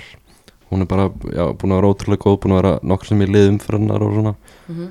búin að koma sterk inn í að blikalið og nummer eitt, það er, er ég með samandumar sem ég keflaðik ég, ég veit alveg ekki hver keflaðik væri án hennar sko Nei, þú, þú raukstildið ágætlega Já, þarna á- já. með, með tölfræðinniðinni já, ég hún er, ég geti alveg séð fyrir mér að að hún fá eitthvað starra gig möguleg, kannski hérna á landi kannski eitthvað eitthvað lið fyrir ofan keflaðik sækjana eða þá hún fari bara eitthvað út í heim og gera eitthvað sko Já, er það ekki líklega svona?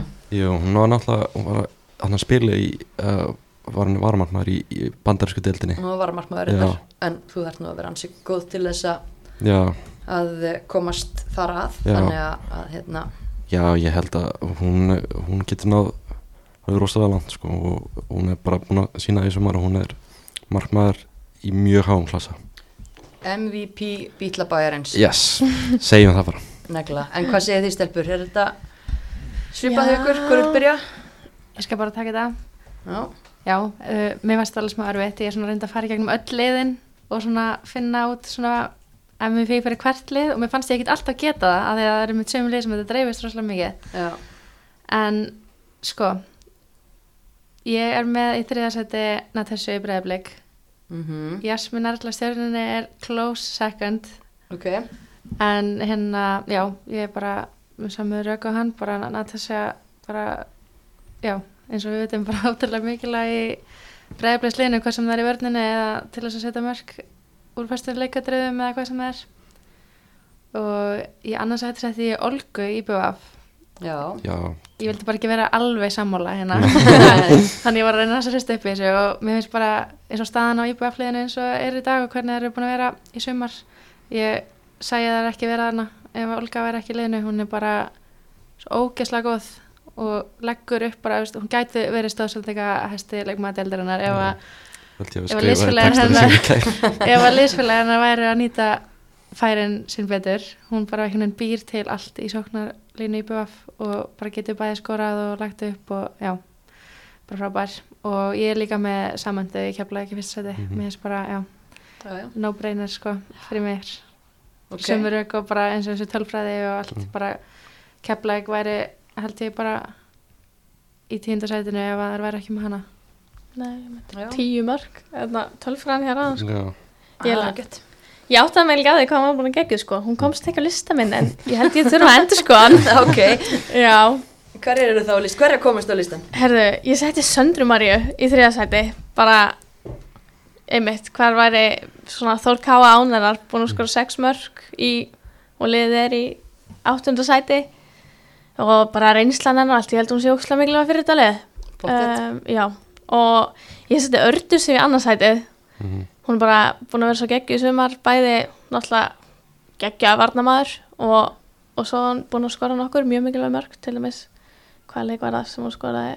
Já, allavega hún er búin að skora mikilvæg mörg og fullt af mörgum svo, skora hann ekki sigamarka mútið breyðablík jú, jú, einmitt það er það sem ég var að leita. Og var búin að vera geggjuð í leiknum. Já, já, nefnilega. Svo það er erfitt að velja eitthvað svona það er mjög margir í val en, en ég held hún sé samt mjög mikilvægar. Mhm, uh, já, ég seti Natjasju í fyrst sæti bara, einmitt eins og þú segir. Hún er alltaf hana í vörninni á breyðablik og, og gerir mjög mikið fyrir aðeins Mhm. Það er líka það er áhugavert að þú sért með bæði Natasju og Örnusif á lista því að þetta eru leikmenn sem við hefum klárlega valið í þessi hlutverk í, í gömlu liðanu, liðanu þeirra. Já, og, og bara gaman að þú sjáu þær í, í þetta stórun hlutverkum hjá nýju liðanum líka. já, akkurat sko. Sýnum bara hversu góðar þær eru í fótbolta Mhm. já, Líka bara, þú lítur bara ferðin á KSI, lítur á töfluna Það er bara mjög augljóst hvað liður best varnarlega deildarinnar Valur og Breiðavík bæði búin að spila 13 leiki og fá sér 7 mörg þá hljóta Arnasif og Natasja sem eru bestu varnamenni í þessum liðum að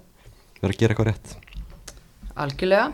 Takk fyrir þetta orku náttúrunar uh, orku lista fjör. já, ekkert mál. Hanna kom þetta. Nei, alls ekki.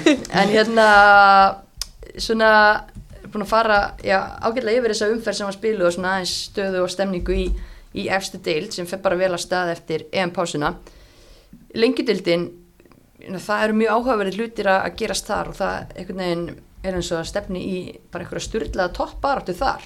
Já. Sko, F-fáingar ennþá tablusar og, og bara í fínum málum efstar en, en þó ekki með meira en fjóra stiga fórskot á, á næsta lið og þar eftir HK með 20 já, veist, já, FH með 33 stig, HK 29 Tindastóll 28, Víkingu 26 og meiri þess að fjárabið höttu leiknir ennþá inn í þessum með 24 Já, algjörlega tvískipt deilt já, alveg. og það Svoleiðis. geta, Nánast þrískipt. já, eiginlega, já Já, uh, en frábær skemmtun og hvað, hvernig finnst, finnst ykkur þetta? Ég meina, ef við kannski bara byrjum á, á botninum, þú veist, er einhver vonar glæta fyrir botliðin fjölni og hauka sem eru þarna með fjögur stig, hvort? það er brekka allavega. Já, það er ekki, það er ekki gaman að vera haukar í dag, skal ég segja ykkur. Nei, það er ekki. erfitt. Það er erfitt. Það er skrítið að við sem erum líka að missa leikminni FH sem er pyrrandi. Já, Það er skrítið sko. Mm einmitt. Líka bara svo stutt síðan einhvern veginn vorum bara, það veist, var ekki bara fyrra sem að þær áttu bara að vera svona kontentir í að fara upp, eða þú veist. Það voru ekki efstar í spánu eða eitthvað í fyrra. Það var öðru seti Öðru seti, Já. já. maður ekki alveg en, en það er alveg svo sem, þú veist, alveg verið að setja þá pressu á sig sjálfar Já, já, allavega þegar Jakob liða var með liði þá átti alltaf að fara með það upp og það er kannski minna heistu markmiðin svona upphátt út af við síðustu tímabil en, en alltaf bara sást fljótt í hvað hvað stemdi og búið að vera þjálfara skipti og, og annað og leikmenn að fara og Mm já, það er eitthvað, Það er kannski, Ég- kannski bara fínt að fara niður í annar delt, núlstilla sig aðeins, fá einn rétta þjálfaran, byggja þetta upp frá grunni og koma svo sterkar upp aftur. ég held að sé, já. Já, já, það er bara ekkert grín að komast upp úr þessar annar delt Það er gott að svona, getur litið á björtilega. Já, Ég verð að gera það. Já, en ég meina þú ert haugari og. Sigurður, þú ert með tenginga til fjölnis þannig að þú Já. er líka ég er nú búin að sjá svolítið hjá fjölni, sko, og þú veist, ég sagði móti FH, nei, byrju ekki FH, jú, og hérna, þær eru alveg, þær, og líka móti vikingi, þær eru alveg góðar, eða þú veist, mér finnst þær ekki eiga að vera með fjögur stig, en, en það, mér finnst það svolítið svona eins og káer, þær eru að spila vel framan af og bara standilega eins og viking, þetta var bara hörkuleikur, þannig til að, hérna, þær skora tvö mörk í lokin. Mér finnst þetta eitthvað svona, þeim er alveg fyrirmunna að skoða mörk, sko. Það eru bara, bara að skora 6 mörg í 13 leikjum, það er að skora minnst í dildinni. Þær eru bara, eins og þær eru bara, leikinu sem ég er búin að sjá, bara góð pressa, vinna boltan hátt af vellinum og svo er ákvarðanatakan á síðasta þrein, hún er bara í rugglinu. Það er bara, maður er svona, já, það eru aldrei að fara að skora, maður hefur enga trú að þessi að fara að skora. Það er svona eina, því að vörnin á miðjan er alveg, að þú veist, bara lítur vel út og halda vel bolta og allt, sko. Já. Svo, það er svona, Þetta er allavega helviti erfitt. Já, Já. Það eru hvað sjöstegum já, já þetta, er bara, þetta er bara útilokað, þetta er bara búið. Það er að fara að falla, þessi tvölið. Gummið þar, það held ég. en grindaði ekki allavega að gera betur úr, úr sínum 8 mörgum, það eru konar með 11 stig en bara búin að skora 8 mörg, þannig að Mm. Já. það er hérna, Haukar búin að skora fleiri mark. já, þetta er, þetta er áhugavert. Uh, en við getum verið þá kannski, já, nokkuð sammálum að það þarf eitthvað risastort að fara að gerast í næstu tveimur umferðum Já. að það sé alveg 15 stig eftir í pottinum, það er ekki það. Fylg, En- Fylgiskonur er búin að rífa sig upp hérna. Já, en hvað er að er mjög- Sex jafntefli í röð hjá fylki. Það mjög- Sex Það er mjög jafntefli. skrítið að sjá þetta. hérna. Já, ég hef aldrei séð þetta. Hvað djók er það? Fimm guli púntar. Já, þetta, er- ég, já, já, ég held ég Já, aldrei séð sjötti þetta. punkturinn, hann kemst ekki einu svona fyrir á, á, á KSI Nei. vefnum. En þetta er að borga sig, það eru komnar hann upp í Já, sjötta Það sæti. er að fá stig. Já, þetta telur allt og, einmitt, Já, var ekki fylgir að gera jafntöflu í FH. jú, Já. jú, Ma bara, og margir bara hugsaðu jafntefli við með alla. þeirri, búin að gera fimm, fimm jafntefli en að svo þær FH. Já. Síðan Ah, voru það bara flottar á móti Já. topplið FH Sko. og hérna, er er að ákveðin taktík að sækja bara játtiflinn. já, ég veit ekki hvort það sé upplegið en, en hérna, Nei, ég efast um að það séu í klefa. Næ, nú, nú fyrir við að náum játtifli, sko. náum við jafntefli. það Nei. hljóta að fara að verða Búin að vera stígandi í þessu, já, en þetta byrjaði náttúrulega ekki vel. Nei, það, já, byrjaði bara umurlega. Það eru komnar, eins og ég sé, upp í sjötta sæti. Bætti alveg eitthvað vissi líka í glugganum, eða ekki? En náttúrulega líka messa út í skóla. Jú, jú, en, en fá inn leikmenn og, og eiga mögulega eftir að Huldar Hrund búin að vera Já. það er náttúrulega bara geggjað ef, að- ef að hún getur komið inn eitthvað og, og reynda að breyta þessum jafnteflum í, í sigra Algjörlega. það er bara svona, já, gaman að horfa á þetta fylgislið Það er líka bara alltaf stemmingi í árbænum. Er það ekki? Jú, mér finnst það, þegar maður kemur hana. Já, það er Það er samanlega sko. andi. Það var líka bara eitthvað skrítið við að sjá fylgja annar dild Mér er svona, kannski aðeins stort félag Ég var að- alveg, efst, mér fannst alveg stefni í það. Já, Ég var bara, þetta getur, þetta getur ekki verið. Já. En það er eitthvað aðeins að, að koma til. Mhm, Ná jafntöflum allavega Það er Já, það- kannski endaði á að byrja að tapa Koma jafntöfli, kannski endaði bara á sex sigurum í röð. Já, en svo sér maður, þú veist að, að augnablík er með jafnmörg stig, þær er ekki búin að gera eitt einasta jafntibli, Nei, þær eru búin að vinna fjóra, tapa nýju, það er skemmtilegt hvernig liðin er að sækja sér stig, sko, Já, já. Svipu algjörlega. markatala, mínus sjö, mínus níu, já. En hérna, Ef ég, ef ég var að spá þetta, þá myndi ég spá fylgi fjárðabið höttileikni 0-0, 1-1 já, þetta, Já, það er klart. Ok, það er gott, gott að vita það, en, en hérna hoppum aðeins upp í þessa topparútu, uh, F-fáingar í bílstjórasætinu, 33 stig, ekki búin að tapa leik, gera þrjú jafntibli, skora langmest í deildinu, eru með 32 mörki pluss, næsta liðið með 16 í pluss, helmingi, helmingi minna, uh, þannig að þú veist, ég menna maður reikna með því að það er klárið þetta í, Já, það ekki í ár. Eða þú veist, 100% maður hefur séð þetta aður Já, maður þurfi kannski ekki að segja En neitt. ég held að það er klárið í ár. Já, Ég- getur ekki hann verið. Mér finnst það Líka bara aðeins annar bræður á þessu. En Já. þá, þá kemur þessi annarsætis baráttu sko, menna hvað við spáðum fyrir mót þá við að setja vikingana í annarsætið Já, tindastól þriðja, háká fjórða. Og einhverju hlógu að því að hvað verður að setja háká svona hátt? Mér háká er að koma óvart. Já ég er bara, Mjög góðar. bara þvílíkt og bara mjög solid og, og einhvern veginn Já, klára, klára sitt og, og skemmtileg blanda leikmanna, vant fyrir að reyndar og að missa Marju Lenu út en, en frábært fyrir hana að koma til Örebró í Svíþjóð, tækifæri. bara þvílíkt og, og svolítið áhugavert að skoða það sko mm, í þessari deild markaskorara listan þar að þar er bara einn íslensku leikmaður Mhm. Já. á lista.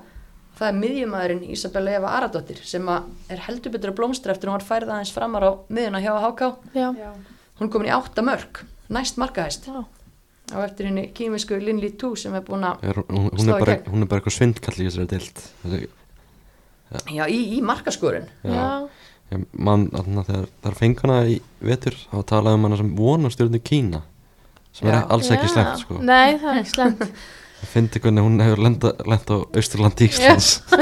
Já, og bara skorar og skorar og skorar maður horfir á leik og sér hana kannski ekki eitthvað mikið en alltaf koma mörkin frá henni. Já, 16 leikir, 15 mörg Það er Já. ágætt tilfræði Það er mjög fín tölfræði. Mm, já. Já, og það er hérna áhverð að Múriel Tyrnan sé ekki ofar hana Nei, það eru þarna þrjár með, með sjö mörg en, en talandi um, um góða tölfræði það er náttúrulega leikmaður þarna á lista sem er búin að vera á lista þarna síðan í sjöndu umferð því að hún skoraði sjö mörg í, í sjö leikjum en svo hefur hún ekki spilað. Og við erum að tala um Seinu Feinu Ashuri leikmann FH sem hefur ekki spilað sín í sjöndu umferð rétt eins og Colin Kennedy. Já. og það er náttúrulega mikil skellur fyrir F-fáinga en það er eitthvað vesen varandi atvinnulefi og bara þær eru ekkert að fara að koma aftur úr þessu. Nei, og F-fá búið að taka í rauninni leikmenn í glugganum bara til að leysa þeirra, þeirra skarð en þetta er náttúrulega agalegt fyrir bara F-fáinga að, að fara inn í mót með lið og, og þessar tvær á algjörum eldi sérstaklega sénu og bara missa þær út og þetta Já. gerist bara rétt fyrir tindastóðsleikin heima. Já, fyrðulegt mál. Já, þetta er, þetta er mjög fyrirlegt og bara búið að ganga í já, tæpa tvo mánuði. Það er langu tími. Ummitt, en, en þú veist það sem að þú veist, þær voru bá, eru báða með íslenska kennitölur voru náttúrulega báða að spila hérna í fyrra með Þór Káa mm og KSI gefur út keppnisleifi á þær og síðan bara þú veist, þetta er allt og flókið til þess að þylja þau. Hérna, en, en þú veist, þær fá ekki atvinnuleifi held ég, vinnumálastofnun já, sinja því og svo er þetta bara eitthvað þú veist, það er nú ekki skemmtilegast að díla við allar þessar stofnanir og, og fram og tilbaka Nei. sko, að, að hérna En Já, þetta er bara, þetta er algjör synd að því að líka bara, þú veist, leikmaður eins og já, sem er búin að vera frábær, hún er að reyna að komast í ukrainska landsliðið og er bara þú veist, nála því og svo er hún bara frist Já, þetta er líka svo mikið synd og veist, þegar félagin er að leggja í þetta að fá góða erlenda leikmenn og svo stoppar þetta svona hlutum. Já, En hver, veist, hvernig kemur þetta upp þegar hún er búin að spila sjö leiki og svo kemur þetta allt í hún upp? já, mér skils bara að, að Colleen hafi verið á leiðinni ég veit ekki hvort hún var að fara úr landi að koma aftur inn í landi og þá er hún bara stoppið á flugullinum og kemur í ljósa að hún var búin að vera lengur en þrjá mánuð í Íslandi af því að hún er, ég held að sé báða með bandaríst vegabrif þó að Shayna May spila fyrir ukrainska landsliðið, þú veist, þetta er alls konar, þetta er bara eitthvað Já, svona þetta algjört prump bara, Alls konar reiknistæmi já, það væri bara ágætt að það væri bara sama hvaðan fólk kæmi að að það væri bara sama fyrir alla og, Já. og hérna ef þú fær vinnu við að spila fótbolta á Íslandi bara gerur svo vel, það er bara Já. frábært Já, og enda báðar búin að gefa þessari lengjudeild ótrúlega mikið, sérstaklega já, náttúrulega bara þessar leiki sem það er gáttu spilað. Já, og synd og eftir sjá í þeim en, en algjörlega. kannski er ekki búið að gefast upp ég, ég, ég veit ekki hver staðan er núna er Fimm leikir eftir kannski- Já, og seint í rassin gripið, ég veit það ekki sko. Nei, einmitt og svo er þetta eitthvað að að er búin að fá sinjun þá þarf að líða ykkur x tími þá gæti að reyna áfrýja og Já, ég, leðilegt að standa í þessu. Það er kannski bara einfaldast fyrir F að klára þetta bara svona ég held að það sé alveg nógu gott Já. við þess að klára þetta Já, sko. já, þetta 100%. getur nýtti mótlætti náttúrulega í að bara þjappa liðinu saman og annað en ég er nú eiginlega bara meira að hugsa um sko hag leikmannana heldur en endilega F á því að ég hef Já. alveg trú eins og þeir að tala um að þær, þær redda sér alveg en Mm. að, vera í fristinum út af heilt fótbolta sumar út af einhverju svona bulli sko Já, Já. vant sko en bara, já Já, þetta, þetta er ekki bara fyrirlegt mál. Hvað, akkur, er þetta ekki bara græði almennilega? Já. það koma fyrst til landsins. KSC líka sem var búið að gefa út leifið þau getur kannski eitthvað að hjálpa þeim í þessu en, en Já, já, ég held að það sé ekkert í gangi sko. En já, allavega það er, það er svekkjandi en, en sena hangir ennþá inn á þessum toppskorara lista. Er það Já. með Kristabel og, og Muriel í sjömörkum Já, og og þær alveg styrtu sig í glugganum með mitt kannski. Eiga er ekkert vonaði að koma aftur? Mm, nei. ég held ekki. En, en hérna Já. það skrít, já, já, það vantar kannski íslensku leikmenn á þennan lista. Já, Já. algjörlega. Og það er einmitt umræði sem er búið að vera í gangi. Við erum ofta að tala um sko einmitt sendirastöðuna okkar í landsliðinu að, Mhm. að hérna minna okkur hefur vantað mörg úr henni í síðustu leikjum og það er spurning hver eru svo næstar þar upp að taka við keflin okkur er ekki ungar íslenska stelpur að, að spila þessa fremstu stöðu í neðri deildum Mhm. það, er, Mhm. það, er, það er mikið af erlendum leikmunum sem eru fengnar til þess að leysa stöðun og þetta skilum að það, ég menna markaskorar vaks ekki á, á trjánum Nei. Nei, þó síður sé en það er samt alveg áhugavert að sjá hversu mörg lið í lengjudeldin eru að einmitt að stóla á- segir bara, erlenda leikmenn til þess að sjá markaskorið það er samt eitt gaman hana Mm. sem er eiginlega bara eitt.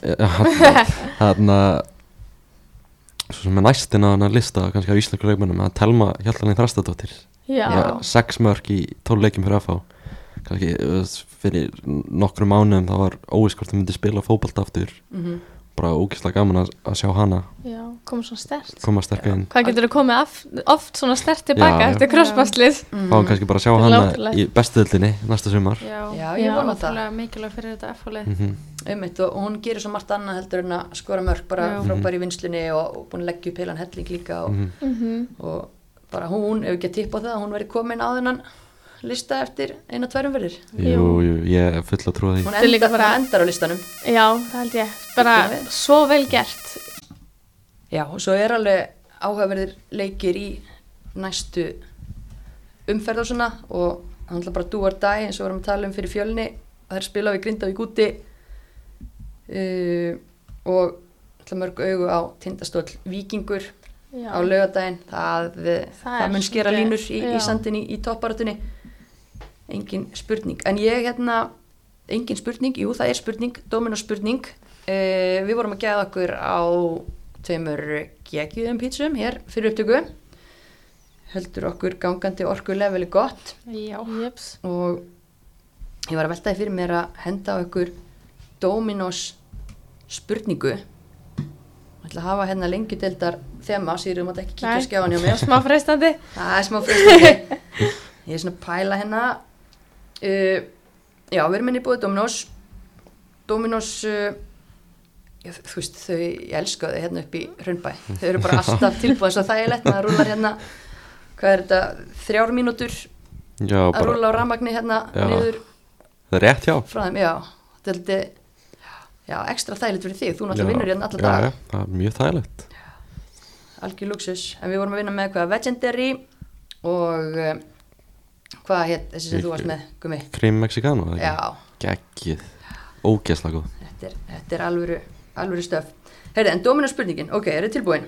Jeps. Hún er, hún er pínu trikki Vá, ég- Spurtur um, spurtur um leikmann.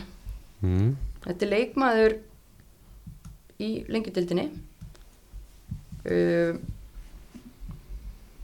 og ég ætla að segja ykkur svona ferilinn ok, ok. Ég veit ekki hvernig það kemur út. Hún hefur spilað 239 KSI leiki og skoraði þeim 34 mörg hún hefur meistaraflokks ferilinn með fjölni. Í fyrst telt spilað þar lengi vel. Fer svo í stjörnuna. Aftur í fjölni. KR fjölni. Og nú er hún komin í nýtt lið. Hún á eftir að taka fyrstu mínútuna með nýja liðinu í sumar þetta er Íris Ósk. Heyrðu þau vel gert? Þetta er vel gert, voru þið með þetta eða? Alveg klálega sko. Ég lofa, ég ekki.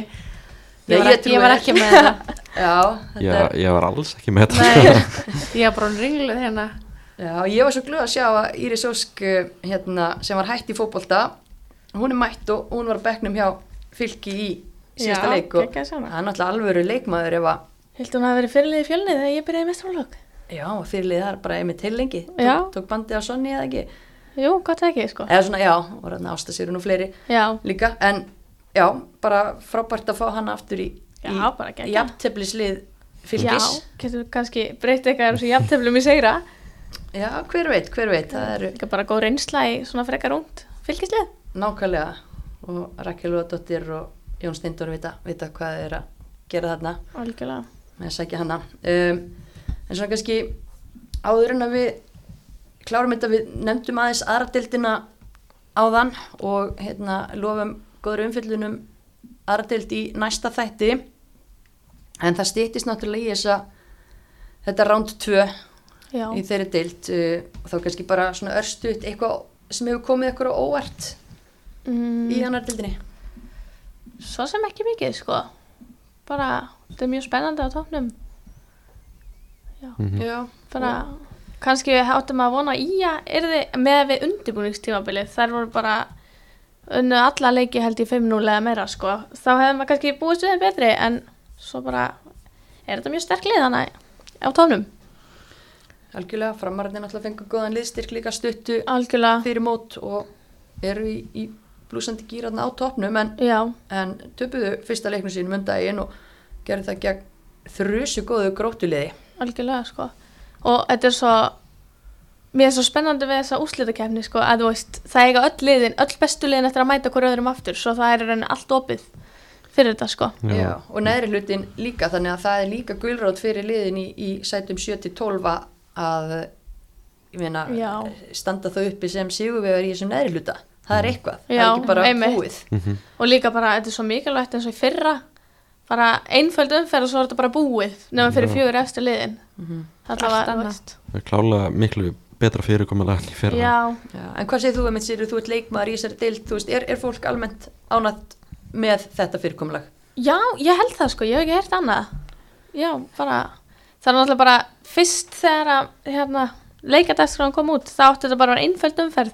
Ég held að allir bara verið mjög feignir að hafa verið bætt við leikjum. Annars var þetta bara búið eftir tvær vikur eða eitthvað Akkurat, en þá byrjar í rauninni fjörið því að Já. það er bara réttur um að tvær vikur í Einmitt. það og það er smá barátta um að, að ég meina KH Já. Altanes einar ég eiga alveg já, sjens á að komast þarna upp í svo blekkir þetta oft sko það er svo misjætt hvað liðin eru búið með mikið mm svo áltanis, mér finnst þær búin að vera mjög góðar sko, sérstaklega með við fyrra Já. reynilega svona unga stelpur sem er að taka skrif upp á þið og, og alveg efnið við eru í þessu liði sko, Mhm. þær geta alveg komið sér ákveð algjörlega, það, já það er enda minni munur heldur en þeir voru minna síðast að skoða þetta það eru, já, liðin búin að spila ímis tíu eða átta leiki þannig að það er, það er ennþá en hún er einmitt alveg svona smát, smát svona skiptildin sko, en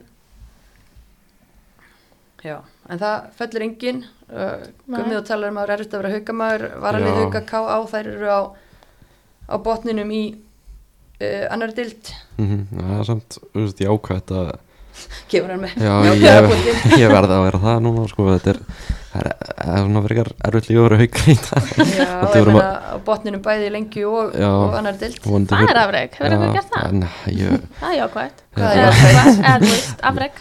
afreg út af fyrir sig. Um, það er samt tökum jákvæða pólinn í þessu þá er þess að stelpur að fá tækifæri til að spila í meistarflokksbolta í annar deild og þá eru þau örgulega með hörku gott lið. Haugarnir í annar deild á næsta tíðinbili Má Já, haugarnir, haugarnir verða með gott lið en, en maður hefur heyrt að það sé bara búið að algjört brasi og káa að, að ká á að, ná í lið. Já. mm, og þetta er bara Já. svolítið búið að springa upp í höndunum að þeim. Já, þetta kann- verkefni. það er kannski skrítið að haugar og káa verið sömu deild á næsta verð en það náttúrulega bara má ekkit já, ég veit- ekki. en, ég sko. En svo er já, annar þjálfari ká hann friðbert hann er hættur þannig að Svafa er að fara að sigla skutunni mm, Já. inn heim. Já, en þú veist, já, já það er verið bara að reyna að, að klára þetta og, að klára þetta með sæmt renna á í stíð allavega já, Einmitt og þú veist, þið eru bara unga stelpur það tapar svo ekkert á því, eða þú veist bara góð reynsla alltaf, mhm, þá þetta sé brekka núna. já, algjörlega sko. Algjörlega. Já, og það er já, bara skemmtilega við þetta formatin svona tala um að, að eftir tvær vikur þá fer allt bara í full sving og, og, og það verður geggjað að fylgjast með og einmitt. eins og ég nefndi þá tökum við næsta heimaðalla þætti eftir um það byrj viku og svo tökum við aldrei vel fyrir aðradildina og hérna undibúum okkur undir þetta fjör sem að er framöndan Já, það þar er geggja, sko, Mhm. algjör stemming. Já. Um, það er bara, þú veist, það er svo mikið í gangi að listin hérna bara af topics, hann við komist ekki yfir, sko, líka við helmingina þessu, en getum ekki slefti að tala um undanúslit í byggar mm það, já, er, það er bara næsta leiti. á mjög áhugaverið leiki framöndan Já, mjög spennandi. við erum að tala um á förstu dag Stjarnan Valur Mhm. og lögadag Selfoss Breðablík við þurfum eiginlega bara keep it short og, og fá bara kannski svolítið spá, pælum kannski fyrst í föstudagsleiknum, þessi líður er nýbúin að gera jafntefli, það reyndar á Origovellinum hvernig sjáum við þetta fyrir ykkur? Sko, va- stjarnan múin að gera tvö jafnteflu við breyðabileg og val. Ég held að það sé komin tíma að vinna þetta. Já, Það er bara stemmingarna og byggar og Ég ég held að stjarnan vinni. já, ég er það líka sko. Já, ég, ég það? spáði hennar stjórnunni, segir ég. ok, Já. þetta er þeirra möguleiki á titli? Já, Já. með, sko, ég er svona smá tórn út af því að stjarnan er líka alveg svona byggarlið, hafa farið alveg í þessi byggarúslið og eru byggarmestrar og svona, þannig að og það eru svona, eru mjög nála tóknu núna en samt ekki alveg þannig að þetta er svona þeirra, en aftur á móti er líka mjög langt svona valur fór í byggarúslið, mm Já, þannig að það er hljóta líka að vera sjúklega hungraðar í að komast í byggarúslið Alveg, sko. það er geggjað leikurinn Bara dásamlegt sko, en hvað mér finnst mjög áhugavert að þessi þrjú bara, já, Stjarnan já, eða En- en kannski er þetta það. líka smá svona stjarn, nei, valur og breyðabileg eru búin að vera bara svo tvö þarna, maður Já. svona please stjarnan, en þið að reyna að challenge það, skilur hvað er en, nýtt inn í þetta og veist, svo horfum maður á val og maður svona, er samt, þú veist, getur eitthvað stoppað þér, skilur Já. Já, en ég meina, horfum bara síðan, það er stutt síðan þessi lið spiluðu Já. og, og ég meina bæði lið hefur bara geta tekið þann leik, algjörlega, það var bara þannig og ég held að allir leikmenn hafi klárað leikina í gær í góðu lagi, já, þannig að, að það eru vonandi bara allar heilar til þess að spila. Já, ég held að Jasmín Erla og Málfrýr Erna siglir sig heim ok, Málfrýr Erna á móti sinna gamla félagi, klára þetta. Já, það verður ekki þetta Skemmtilegt. stjarnar 2 valur 0 Stjarnan 2 valur 1 ok, Málfrýr, Málfrýr kemur með segumark seint eins og á móti Káar um daginn. Ok. Samanskrift. já, ok, ok. Ha, já, sjáum hvað setur. Mhm. Selfoss breyðablík á Selfossi, Selfoss líka búið að vera byggarlið síðust ár. Ég held að breyðabileg takja þetta. Við liður svona eins og það, já, Já, Bara- ég tekst Selfissingum að skora mark? Já, mm, það er það þarf spurning að skora mark til þess að komast áfram í byggar já, Já, spurning með blikana sko hvort Áslu myndi að verða með í þeim leikum mitt sko hann er alltaf búin að fá öglumarju aftur. Einmitt. ég held að breyðblik takk þetta Ég held það líka. Sammála. Ok. Það Selfoss líka svona byggarlið. Selfoss og Valur til að vera Sýnda aðeins á móti, móti strömmnum Svo er maður heldur ekki stöðuna eins og með Barbáru og Kristrúnu og svona hjá Selfoss. Mm Það eru náttúrulega svolítið laskaðar. Mhm. og líka Já. Já, og líka bara með að við rögla margar, það er að tjásla saman eftir Já. hennan hasar í gær. Já, Mhm. einmitt. ég vil, ég vil eiginlega bara fá rímats á þessum leik í gær sko. Það er draumurinn. Breið, breyðblik stjarnan. Granna slagu líka. Under the lights og verður Já, það er enda ekki Mhm. Það er, það er margt, eh, margt vitlisera Mhm. en uh, þetta mun allt saman skýrast á, á fös og lau Mhm. og minna erum við ekki bara að tippa það að, að þjálfarar líðana svona haldi sig við svipaða hluti þeir hafa verið að gera í deildinni? Ég held að það sé klart er- mál sko. Bjössi var nú svolítið að rúlla liðinu sínu fyrr í sumar í byggarnum Mhm. þegar hann grín hvað, hversu mikið leiki álæði var hann á tímubili já, en núna ertu komið þetta nálegt já, spurning hvort Pétur Ási sé með hugan við meistaradeldina eitthvað eða styttist í hana? Akkurat. Já. það, já, ég trúi því nú, já, það er einn Já. leikur í einu. Einu, reyndar já, Gæti sé Elin Mætti að koma inn já þetta að kemur pottið inn sko. það er búin að hafa hann á bekknum í deildinni þá held ég að hann setja hann inn núna. Já, það er eina, eina breytingin. Já, að, ekki eina breytingin Nei. að vera nokkra það verða nokkra, já, ég held að það verða engin breyting hjá Kristjáni. Nei, ekki heldur. Fiska það. Og ekki hjá eða ég veit ekki meðslastöðuna hjá, hjá ásmundi. Nei, þú veist, það, það er Það ómikið af efum já, það gæti orðið eitthvað breytinga þar Já. algjörlega, en hérna við endum alltaf á uh, okkar fasta lið að velja heklu þáttarins. Mhm. Við bóði bílaðumbósis heklu sem hefur staðið með heimavöllinum já ég ætla ekki að segja ekki nú súrt og sætt það er ekki verið mikið súrt, það er bara sætt. Um, og já, heklan er einhver mjög kraftmikil og flott fyrirmynd sem að hefur unni gott starf í þá knaspinu kvenna. Og við erum hérna með konu á blaði sem að hefur fengið þó nokkrar tilnefningar svona í gegnum tíðina hjá okkur það er kona á króknum Helga Eyjólfsdóttir. Já, ofur kona. Já, svo, svo vilja hérna sögrækinga meina að Helga Eyjálsdóttir sé allt í öllu og baku tjöldin hjá knaspundil Tindastóls búin að vera í meistarlagsræði Kvenna síðan 2018 og við hefum nú alveg fylgst með ævintýrinu sem hefur verið í gangi fyrir norðan á Já. þeim tíma. Þannig að allavega það fólk sem ég hef rætt við það vil meina að, að hún Helga í ansi stóran þátt í uppganginum þar enda bara hún veður í öll verk sem þarf að vinna hvort sem það eru fjárablanir, æfingaferðir komur að setja punktur hún prjónaði lópapeysur og erlenda leikmenn liðsins. Og það er kannski ekki skrítið að stelpur eins og Muriel og Amber vilji hverki annars það er í heiminum vera heldur en á, á söðakróki En pælið hvað þetta er mikilvægt, þú veist, að vera svona velkomin eins og, ég meina, það eru glæð svo mörg leið búin að reyna að fá þær. Mhm. Já, en á meðan að þær eru báðnar í mat heim til Helgu og Jóa þá Já. hérna Þetta skila sér. þarftu ekki að leita lengra Mhm. Ótrúlegt, þú veist, fyrir félag út á, ótrúlega mikilvægt fyrir félag út á landi að vera með svona einstaklinga í kringu sig, það Já. er frábært bara aðdráttarafl og, og svo líka bara að halda úti íþróttaliði og, og félagi, það er bara hrikaleg vinna og, Mhm. og hérna Helga já, leggur sitt heldur betur og loða skálar við það, mæti líka bara á alla leiki, öskra liðið sitt áfram. Já, það er nú mikilvægt líka. Já, að hafa fólk á vellinu. Þannig að já, akkurat Helga er heklan og bara sannlega verðskuldað kveðjur í Skagafjörð. Algjörlega. Hmm. En hérna, já eins og segi, við komumst nú ekki eins og niður allan toppiklistan okkar, við þurfum að hittast oftar. Það er bara alveg hreinu. Að því. Og við ætlum líka að gera það heima öllum ætlar að, að hérna, já, fara að taka núna allavega vikulega, við erum búin að vera svolítið í óreglunni í, í sumar um, og annað sem spila þar inn í, en uh, já, vikulegi þáttir þættir út tímabilið og, og önnudild fær svolítið sjónasviðið í næsta þætti. Hú, besta tildin. og besta deildir, nei, nei, hún er besta deildir, hún besta deildir, heyrði, en Skemmtilegasta. já, takk kærlega fyrir að að koma Já, takk kærlega fyrir að bjóða okkur. Já, takk, takk fyrir, fyrir. Alltaf, alltaf velkomin á heimavellin og, og, hérna, og bara takk hlustendur fyrir að vera með okkur.